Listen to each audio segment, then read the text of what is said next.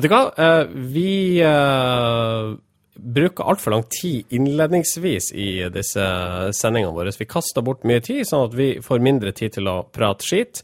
Eh, så vi går rett på sak. Hei, jeg heter Marius Stølen. Jeg har med meg Sindre Holme og Marius Torkelsen fra Oslo. Dette er norske informasjonsrådgivere. Det blir nemlig ikke sagt i jingeren. Sindre, i dag så skal vi prate om musikk innledningsvis. Ja, jeg hørte en låt på radioen som heter Det er et band som heter Vom. Uh, Word of mouth? vi er litt sånn kommunikasjonsskada når vi tolker det sånn. Nei, vom som i mage. Oh, ja. Dob altså enkel ved OMM? Ja, ja, ja, så vidt jeg husker, så skrives det sånn. Sånn, Jeg lærte i hvert fall det på Framhalsskolen, at det skrives VOM. okay, ja. Ja, og det er en sånn, sånn nyveiv-punkaktig låt som heter 'Alle vil ha fløte i sausen'. Og der synger de også 'Som alle trenger ketsjup på pølsa, sånn vil jeg at du skal trenge meg'. Um, og jeg tenker sånn, Det er jo en, egentlig en låt som uh, hyller det norske uh, hva skal jeg si, landbrukssamvirket eller bondelaget.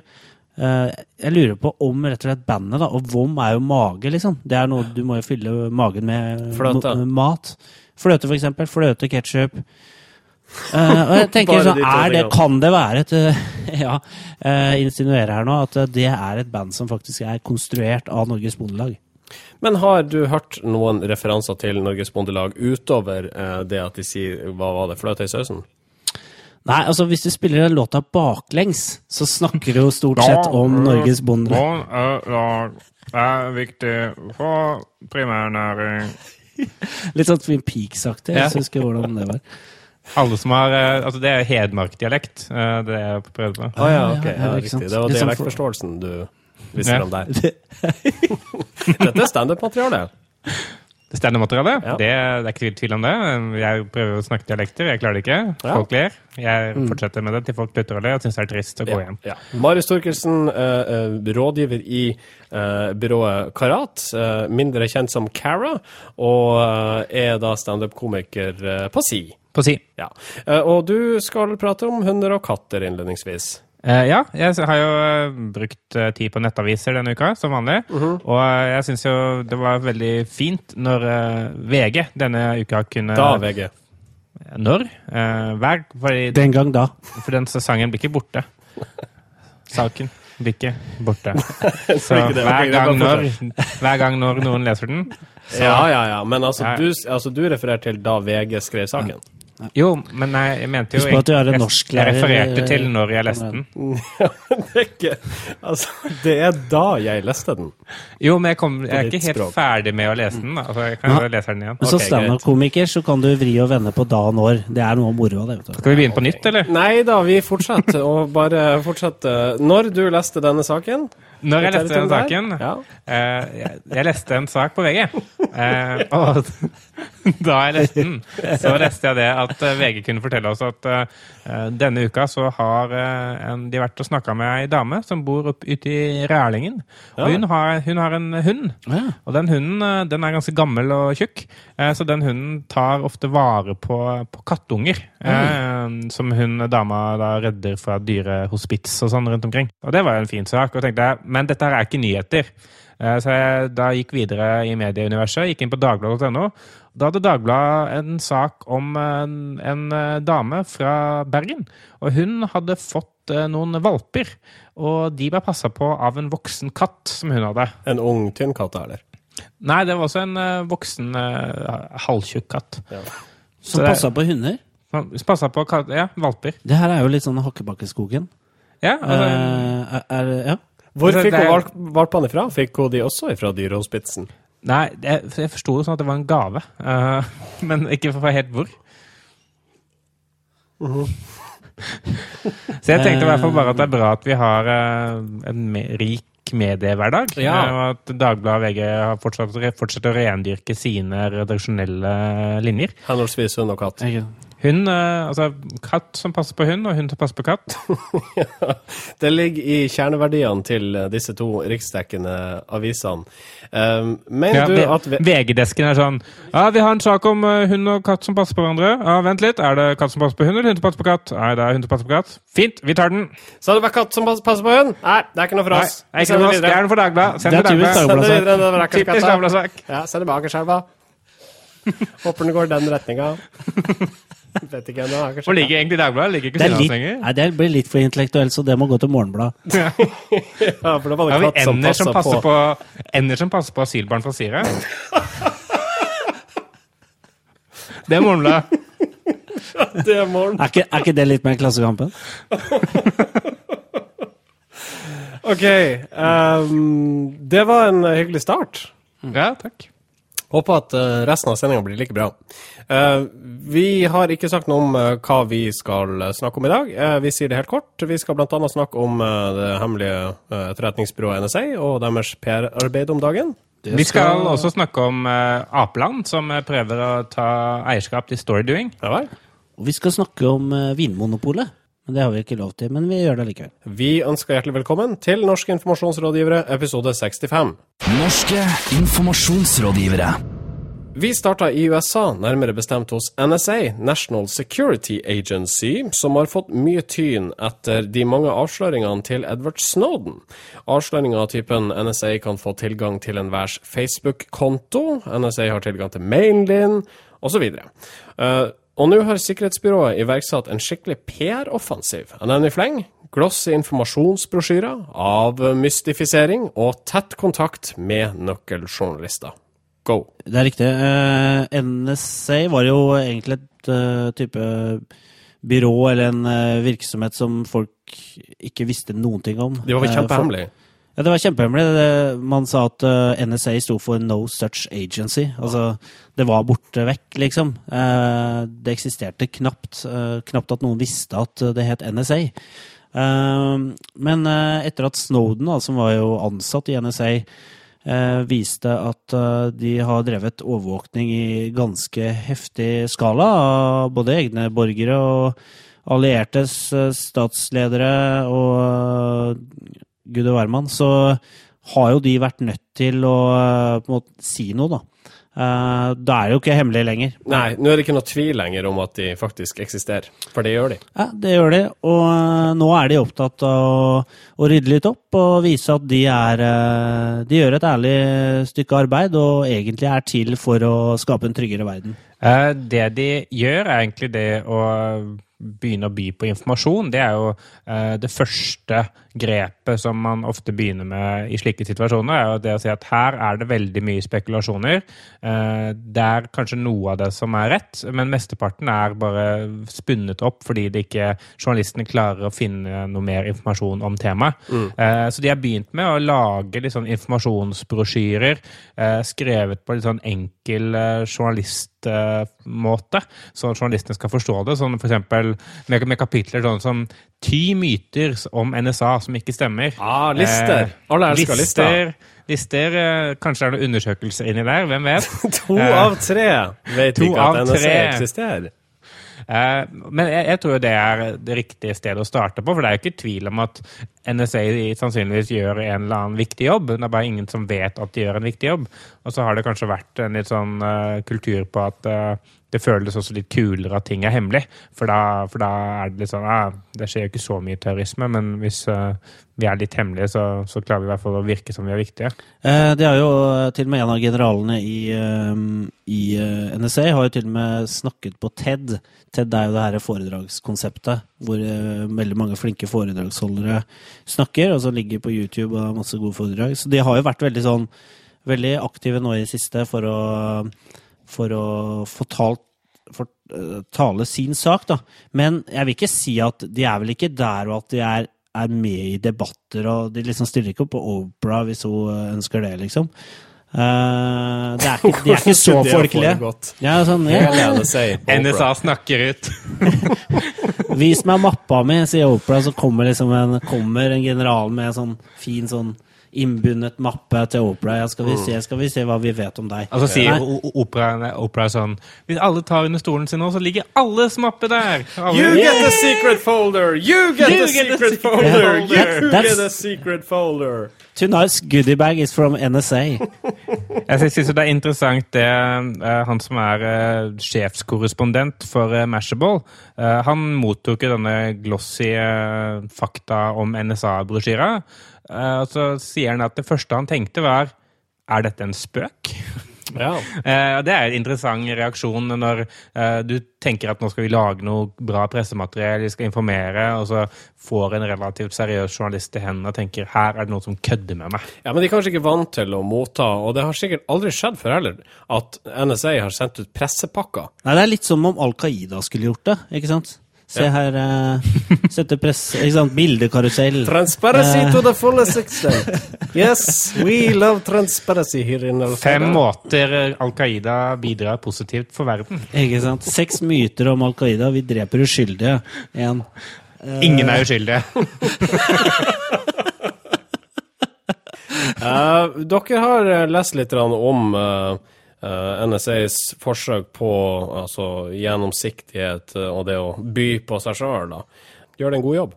Altså de, de har alt å tjene på å være åpne nå. Uh, de har alt å tjene på at folk vet eh, eh, vet om det, det de driver med, som er hederlig. Den hederlige delen av det de driver med, det som er faktisk er lovlig. For det har jo blitt beskyldt for å drive ulovlig overvåkning. Ja, de gjør det også. Eh, ikke sant? Og de, de gjør vel egentlig det òg. Så, sånn at eh, de har jo ikke noe å tape på å stå frem nå og fortelle liksom hva er deres misjon. Da. For det, det, det er jo klart det, det er jo viktig for dem å si hva, de egentlig, hva er egentlig deres mandat. OK, jeg tror vi uh, runder opp der. Uh, vi gir en tommel opp eller tommel ned for NSAs uh, gjennomsiktighet. Ja, kom igjen. Ja. Tommel opp. Jeg syns Ja. det er bra. Jeg òg. Norske informasjonsrådgivere. All right, vi skal til Vinmonopolet, der jeg er hver eneste fredag. Men vi skal ikke lete etter gode italienske røde nå. Vi skal snakke om en eh, ny leggkampanje iverksatt av folkene der borte. Eh, for Vinmonopolet har inngått et noe pussig samarbeid, om man skal si det sjøl, med Norges birøkterlag. Og dette samarbeidet innebærer at for hver legitimasjon som vises frem i kassa, så doneres da en sum med penger, og disse pengene skal gå til å beskytte truede eh, norske biearter. Eh, og kampanjen den skaper engasjement blant våre unge lovende.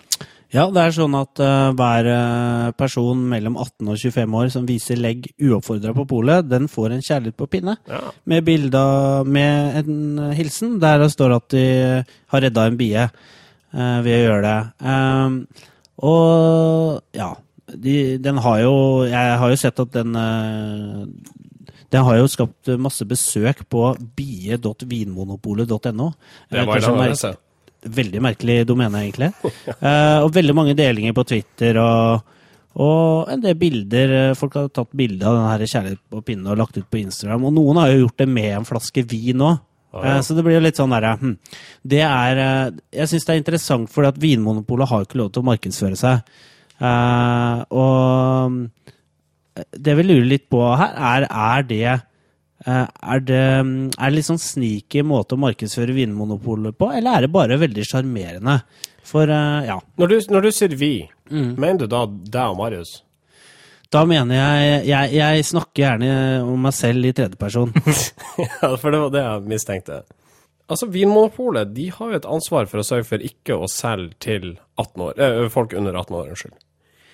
Er det ikke nettopp det denne eh, kampanjen adresserer? Problematikken med ungdom som viser uh, falsk legitimasjon, eller uh, prøver å få kjøpt seg vin uh, der de hevder at de har glemt å ta med leggen, f.eks. Jo, altså jeg, jeg pleide jo å si sånn ah, Leggen ligger ute i bilen, og så, og så lånte jeg bilnøkler. for det var litt lettere å få, få tak i et falskt legg, og så funka det sånn 10 av gangene. Men la du bilnøklene på disken? Ja, ja altså jeg, jeg lånte eh, bilnøkler da, av noen. Ja. Uh, og, så, og så gikk jeg for å da kjøpe vin, kom kom til kassa, og så sier de ja, du må vise legg. Og så begynner jeg å lete gjennom lommene, så drar jeg opp bilnøklene og slenger de sånn henslengt på, på kassabåndet. Eh, så ah, nei, faen, de ligger i bilen, du. Jeg skal bare gå ut jeg er tilbake om ca. 20 minutter. Kan du bare holde alt dette her i kassa imens? Eh, Og sånn 10, 10 av gangene så funka det. Uh, men uh, jeg, jeg, tror jeg, jeg, ser jo liksom poenget til, uh, til Helge Nei, Hege Øvsthus i Vinmonopolet når hun sier det at parallellen her er det at hvis man ikke tar vare på biene og biene dør ut, så angår det faktisk ganske mange flere enn bare biene. Sånn, det kan føre til ganske store skader hvis man ikke passer på det.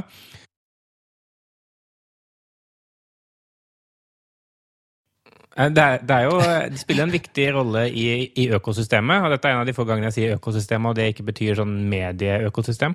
Uh, fordi de passer jo på å få pollinert uh, blomstene. Uh, og blomstene spiller jo viktig, en viktig rolle både når det kommer til altså det å gjøre CO2 om til oksygen, og det å spre frø og befrukte områder og gi mat til andre typer dyr og sånn. så det at biene dør ut, kan i verste verste fall fører til at uh, det blir mye vanskeligere å uh, få tak i ku for oss. Og jeg vet hvor mye vi liker ku? Kjempe, kjempeglad i Uh, så det det er, mange farer der. Uh, men, men, det samme, da, samme uforutsette konsekvensene kan uh, det ha å kjøpe vin og sprit til noen som er under 18, eller hvis noen er under 18 kjøper det sjøl. De kan slutte å vokse, de kan drepe uante mengder hjerneceller, havne i grøfta. sovne på et tog og ende i Bodø. det er mange ting som kan skje hvis man drikker som min mindreårig, og det ønsker de å sette fokus på. Hvorfor er det bare bier som uh, tilgodeses oppmerksomhet her? Jeg tenker uh, det finnes utrydningstrua humler i dette landet òg, og de er vel òg viktige? Ja, jeg tror det var en fare for at det kunne virke som en reklame for øl. Siden ja. det er sånn humle i øl. Ja, nettopp, ja. Ikke sant? Det blir, ja, for det er jo lagd av knuste humler. ja. eh, men, men, det er ikke så mange humlerøktere. ikke sant? De har ikke så mange talspersoner. Det er mer sånn og så Det er individual contractors. Ja, det er, bare, det er liksom litt så irriterende. Når de prøver å si noe, så bare på en måte øh, vinkler du dem bort. Ja. ja altså, humler har jo pels. Altså, sånn, de er jo egentlig i teorien liksom kjæledyr hvis de hadde vært litt større.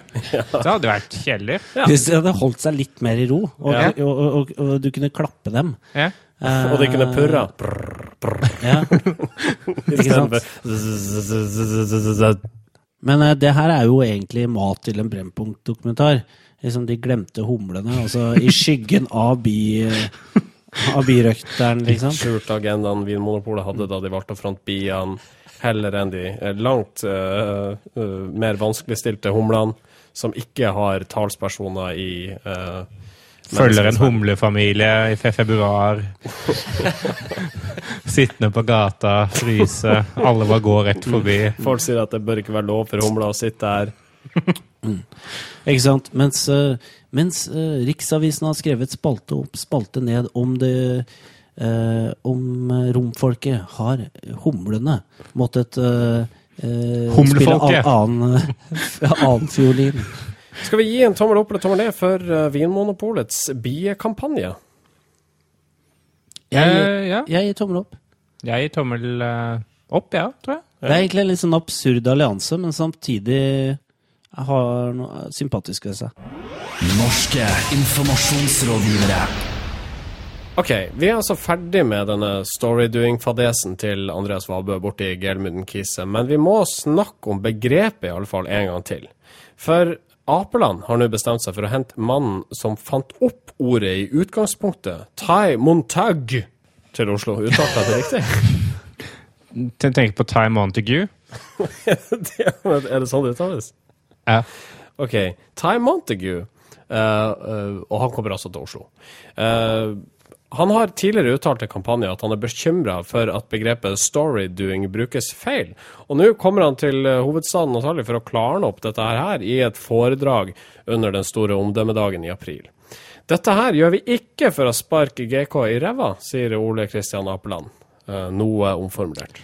Ja, det stemmer. Eh, Ole Kristian Apeland han har sett en åpning i Kall det debatten som har kommet etter dette blogginnlegget, og tenkte at uh, Ty Montague, en fyr ingen har hørt om og ingen har brydd seg om, skal snakke om et begrep som ingen har hørt om og ingen har brydd seg om. Uh, men nå er det noen som bryr seg om det. Så uh, noen er litt interessert i hva, egentlig, hva er det er for noe egentlig for noe rørt. og da inviterte han Montague, som ser ut som en uh, sånn lavbudsjetts Peter Stormare, for øvrig. Uh, uh, Sånne frekkheter vet jeg ikke om vi har tradisjon for her i Nei, men altså, jeg sier ikke at en lavbudsjetts Peter Stormare ser dårlig ut. Jeg sier bare at han ligner ganske mye. Men på et lavere budsjett? På et lavere budsjett. okay. Hvis du ville hatt Peter Stormare, men ikke hadde råd til Peter Stormare, mm. så ja, kunne du hyre inn Tai Montague. Ja. Ok, Er det det her eh, som eh, vi eh, refererer til som real time marketing, det Ole K. Apeland og selskapene hans driver med akkurat nå? Ja, Det høres jo litt sånn ut. Det er på en måte å sko seg litt på et eller annet som er i vinden, da. Spørsmålet er jo om, om det er skadelig for liksom hele omdømmet filosofien til Apeland, da, og liksom knytte det opp mot et, sånn, et begrep som har blitt så eh, kraftig kritisert. Ja, er det det? Nei, han, altså, Ole Kristian Apeland sier det at uh, grunnen til at dette ikke er et spark til GK, er fordi han mener at uh, begrepet sånn det egentlig skal brukes, er interessant. At det å faktisk gjøre ting istedenfor bare snakke om ting, det er det omdømmebygging egentlig handler om. Er det som er kjernen i det å skape en virksomhet med et godt omdømme. Er det når ansatte først og fremst opp handler sånn som de skal, og er gode mennesker, framfor at uh, topplederen skriver om at de ansatte bør være gode mennesker. Det jeg ikke skjønner her i denne storydoing-debatten, er er dette her egentlig noe nytt? Altså put your money Nei. where your mouth is. Nei, det er jo ikke noe nytt. Si. Uh, Ibsen, uh, Ibsen, sa jo det gjennom Per Gynt. tenke det, ja. Uh, si det, ja, men å gjøre det Nei, Nei. det tør, man, tør, jeg ikke å gjøre. Altså, eh, eller tør jeg ikke. Det var, det var litt uh, dårlig sitert, men det var jo noe sånt når Per Gynt Ja, det er lenge siden. Nei, altså, da Ibsen skrev det, så var ikke du gamlegutten? Nei, altså, jeg hang jo på Wesselstuen i i hoved, hovedstaden uh, sammen med de folka der. Heter Kristiane. Men jeg var ikke, jeg, jeg var ikke Ja, Kristiane. Stemmer. Jeg, på et eller annet kvartal. Mm. Men, altså, poenget, det, det er ikke noe nytt. Nei, eh, fordi jeg vil stå henge meg opp i noe OCA sier. Eh, han, han, sier det at eh, han håper at flere virksomheter går fra storytelling til storydoing. Og jeg tenker det at storydoing, det er bare å gjøre noe, og da ikke fortelle om det. Hvis du måtte ikke skal ha storytelling, så da betyr det bare alle skal slutte å kommunisere. da. Altså, sånn, skal man bare eh, dele ut bagetter på gata og eh, Selv om ikke sjefen har sagt det? Selv om ikke sjefen har sagt det, skal man eh, bare ha fornøyde kunder og ikke fortelle noen om det? Skal man bare motta en pris for Norges beste arbeidsplass og ikke fortelle noen om det? Mm. Og bare fortsette som før? Det høres helt rart ut. Det høres jo veldig rart ut. Og så tror jeg opinionen, da, i hvert fall de som jobber med kommunikasjon, er litt sånn lei nye ord nå. Uh, vi er litt sånn mer opptatt av å gjøre ting riktig. Uh, og liksom ikke finne opp nye ord for, uh, for hva man skal gjøre, men faktisk ja, le, leve, etter, leve, etter, noen gode prinsipper. Og da trenger du ikke liksom finne på et nytt begrep. Men tilbake til Ole Kristian Apeland og Apeland som altså henta mannen bak begrepet storydoing. Altså det var Montague som fant opp begrepet storydoing, og tilhørende begreper typen storydoer, storydoesers uh, etc. Story did it? yeah, story just story did it. Uh, yeah, just story did it. Hashtag. Uh, er dette et spark i ræva til GK, eller uh, skal vi ta OK Apeland uh, på hans ord når han sier at dette her rett og slett er av interesse heller enn skadefryd?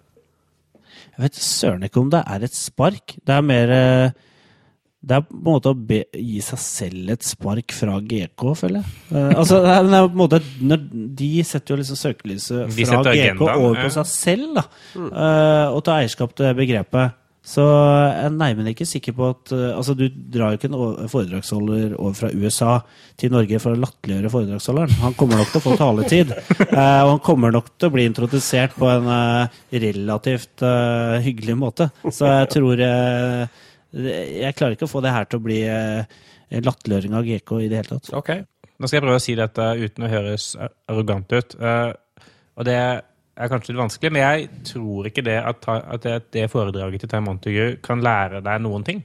Jeg, jeg tror ikke det at uh, hvis man sitter der i en time, hører på han snakke, så kommer du ut og tenker hm, det var smart. Jeg tror du bare tenker ja, selvfølgelig. Altså, Selvfølgelig skal vi gjøre ting istedenfor å bare snakke om å gjøre ting. Ja. Jeg Tommel skjønner ikke hvorfor han er booka. tommel opp eller tommel ned for Ty Montague? Tommel ned. Tommel ned. Norske informasjonsrådgivere. Vi skal snakke om det relativt populære TV-programmet Nytt på nytt, som går hver fredag kveld på NRK. De har gjort narr av banken DNB, og det i såkalt beste sendetid. Og nå er PR-rådgiver Alf B. Bendiksen ute i kampanje og hevder at denne harselasen har skada merkevaren DNB.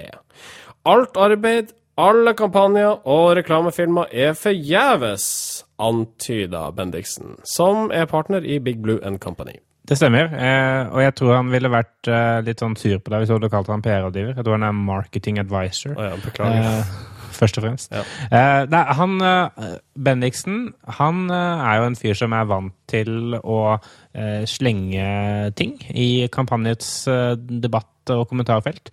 Han er en litt sånn sur mann som sitter på sidelinja og, og, og mener negative ting om det meste innimellom. Ja. Han har sånne perioder hvor han dukker opp. Og nå, nå mener han det at uh, DNBs satsing på å bli Norges mest likte bank, bl.a. med George Clooney-reklamer og tatoverte gamle damer og uh, uh, boligsparing for unge 2.0 og alt dette her, eh, bank fra år til år-konseptet, det er egentlig bortkasta. Eh, for han mener at det er ikke relevant for DNB å være godt likt. Og så påpeker han det gjennom at hvis man prøver å være godt likt, så kan man bli revet ned. Eh, altså kan all den innsatsen bli revet ned av én en enkelt hendelse. F.eks. nå eh, på Nytt på Nytt eh, forrige fredag, hvor eh, eh, Nærum og co.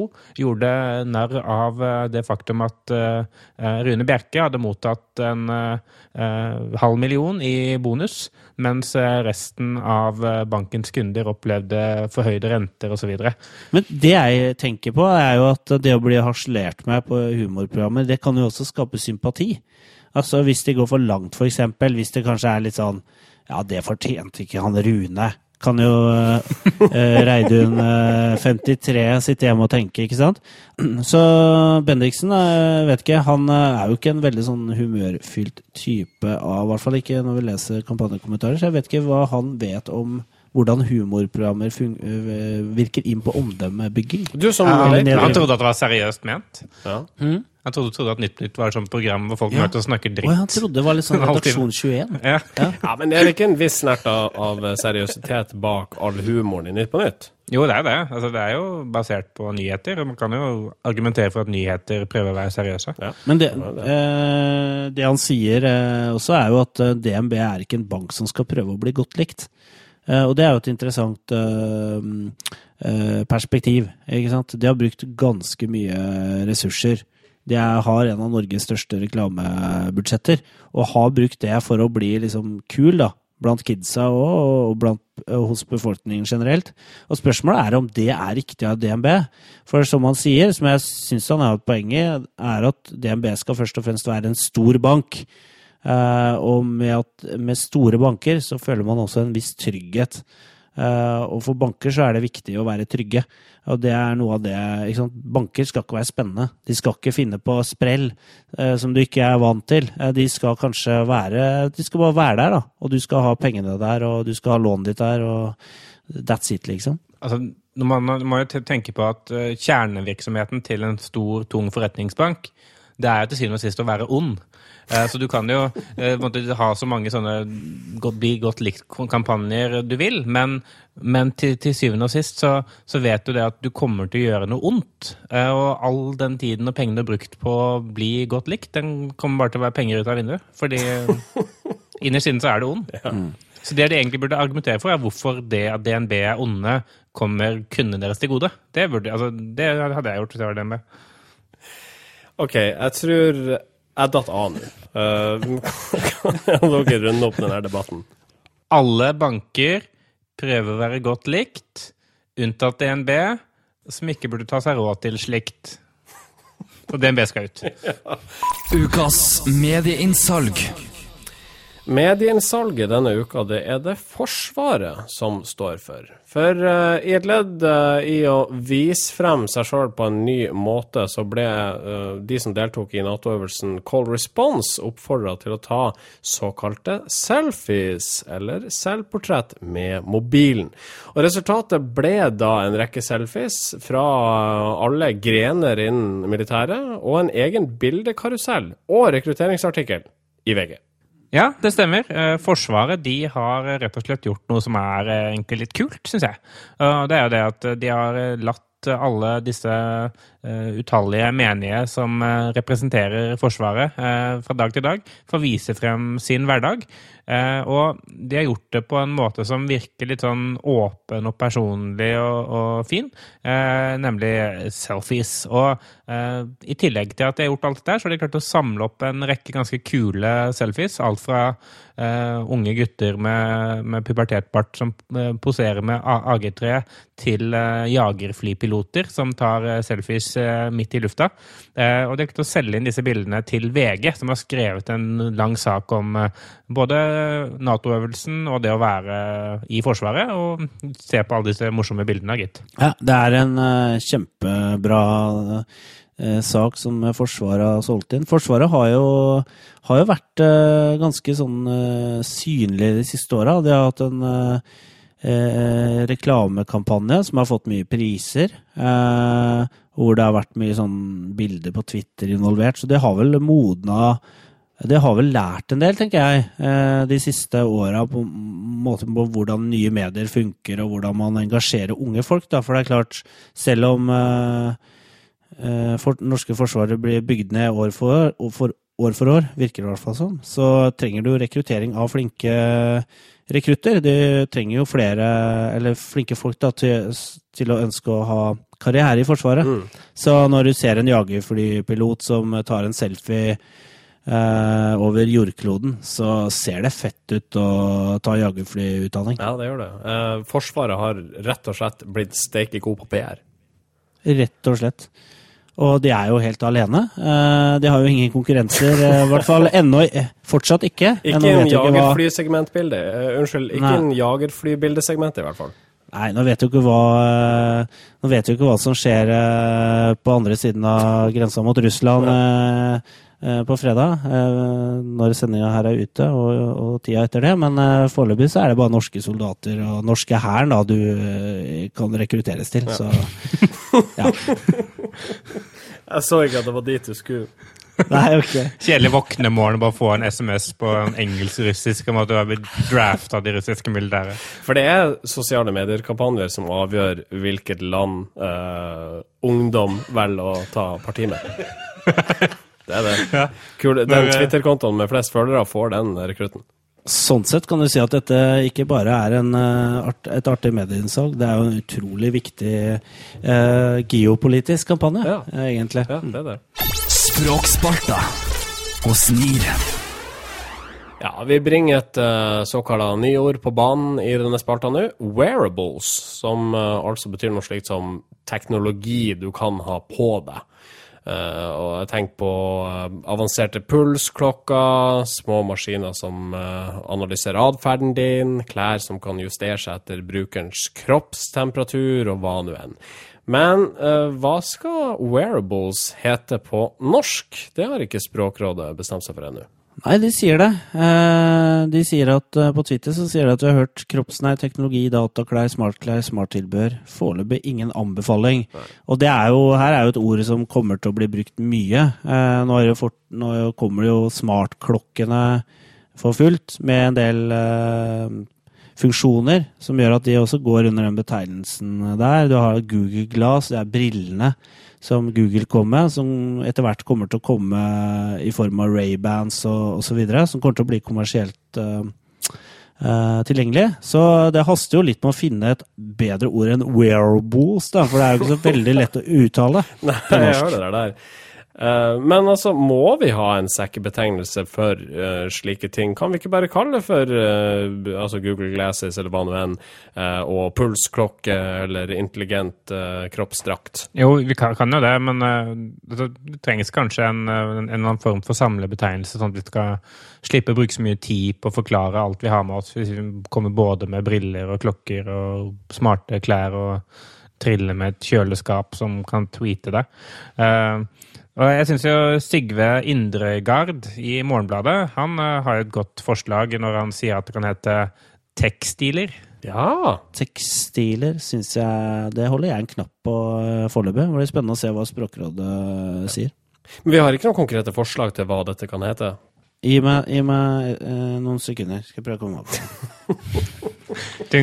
ja, kan vi snakke om noe annet imens? jeg, jeg, jeg, har et, jeg har et Um, Sa du det bare for å dra ut tida mens du tenker enda mer?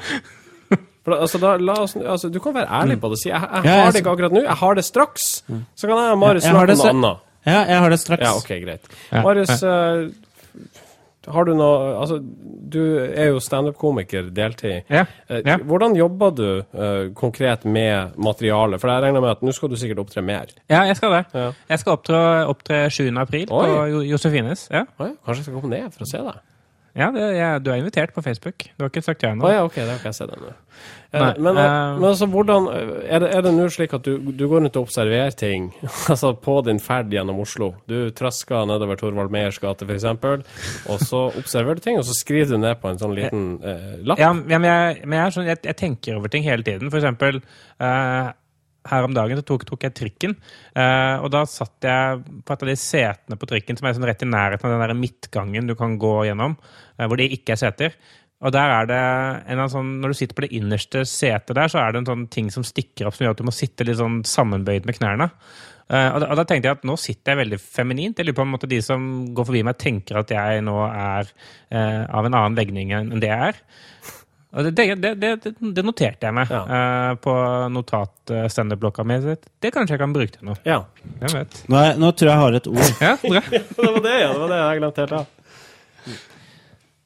Skal jeg begynne? Ja. ja begynne å resonnere. Uh, jeg, jeg, jeg, tenker på det der med sånne teknologi man har på kroppen. Da. minner meg litt om uh, Jeg får sånne assosiasjoner til lobotomering. For det var jo også liksom, på en måte teknologi man Eh, putta på kroppen til folk, eller hodet til folk.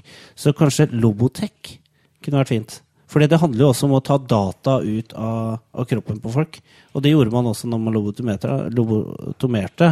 Men da gjorde man det fysisk. Da tok man ut deler av hjernen. Uh, så kanskje kan det bli noe? Det er kanskje ikke man positivt. Man flytter liksom ja. Data fra kroppen til, uh, ja, til ja, noen, Det har noe med hjerne å gjøre. Hjerne, hjerneklær. Hjernemasse. Mm. OK, Lobotech er foreslått ifra NIR-panelet, for nå tar vi alle æren for det du fant opp, Sindre. Ja, klart um, og da uh, går vi videre. Ukas kudos. Kudosen denne uka går til den amerikanske organisasjonen TINA. Og TINA er et akronym uh, for Truth in Advertising. Hvorfor det? Jo, uh, fordi de har laga Uh, altså, uh, Tina er en ideell organisasjon som jobber mot uh, å bekjempe uærlig reklame. og det kan man gjøre på mange vis. man kan ha en pekefinger og være litt sånn morsk og, og, og, og være streng mot reklamebyråer og merkevarer. Men det de har gjort, er å lage en artig, morsom sang.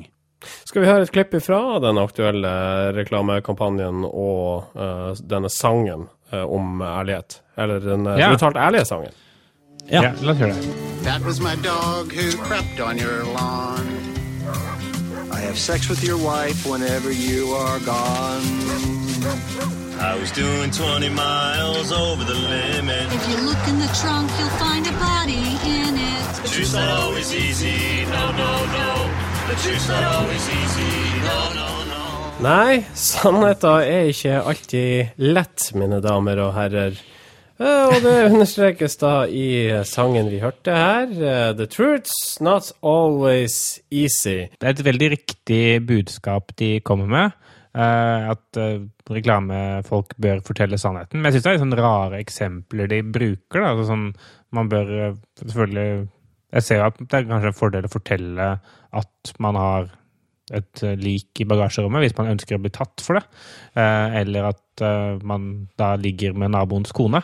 Men hvis man skal da overføre det til liksom reklameverden, da, så blir det jo en måte det å oppfordre virksomheter som gjør masse ulovlige ting til å reklamere det. Og det kommer jo ikke til å skje.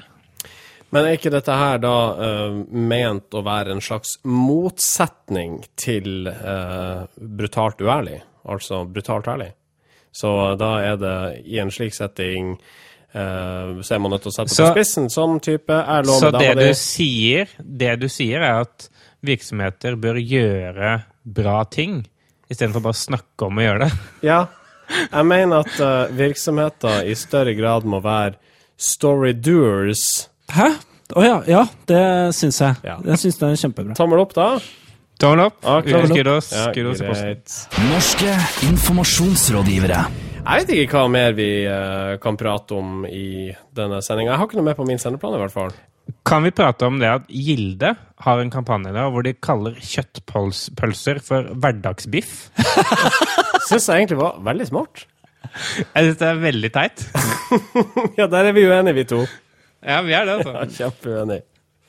Vi kan jo snakke om det. Eh, Vi har kanskje gjort det. Ja, nå har vi Eh, gjort det. Nå, vi vi snakker om det nå. Mm. Har du noe mer å legge til du, Sindre? Å nei. Eh, nei, eh, jeg skal eh, Jo, jeg skal faktisk holde foredrag for noen studenter.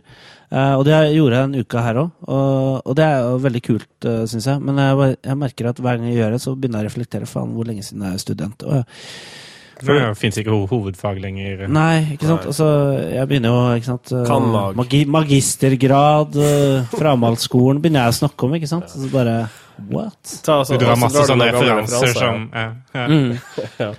Snakka om da jeg og Sigmund Freud eh, gikk tur i parken og minner meg om noe eh, Sotomayor sa. Ja, høy, høyde oppe. Uh, Eh, eh, hvilke studenter er det du skal holde foredrag for, og når? Nei, det er noen på Universitetet i Oslo. Oi. Eh, Oi. ja. Hva studerer du? De studerer litt forskjellig. Eh, Gym. Har, jeg skjønt. Gym. Ja, gym, ja. Nei, det er egentlig bare noen gamle gymlærere jeg skal holde foredrag. Uh, vi har ingenting mer å prate om, uh, og da uh, gjør vi bare de vante annonseringene helt på slutten, og vi gjør det kjempefort. Facebook.com slash Nearcast. Soundcloud.com slash Nearcast. Nikes.yahoo.com. Kreativforum.no. Hashtag Nearcast. Marius Støkkelsen. Sindre Holme. Marius Stølen. Adjø! Norske informasjonsrådgivere.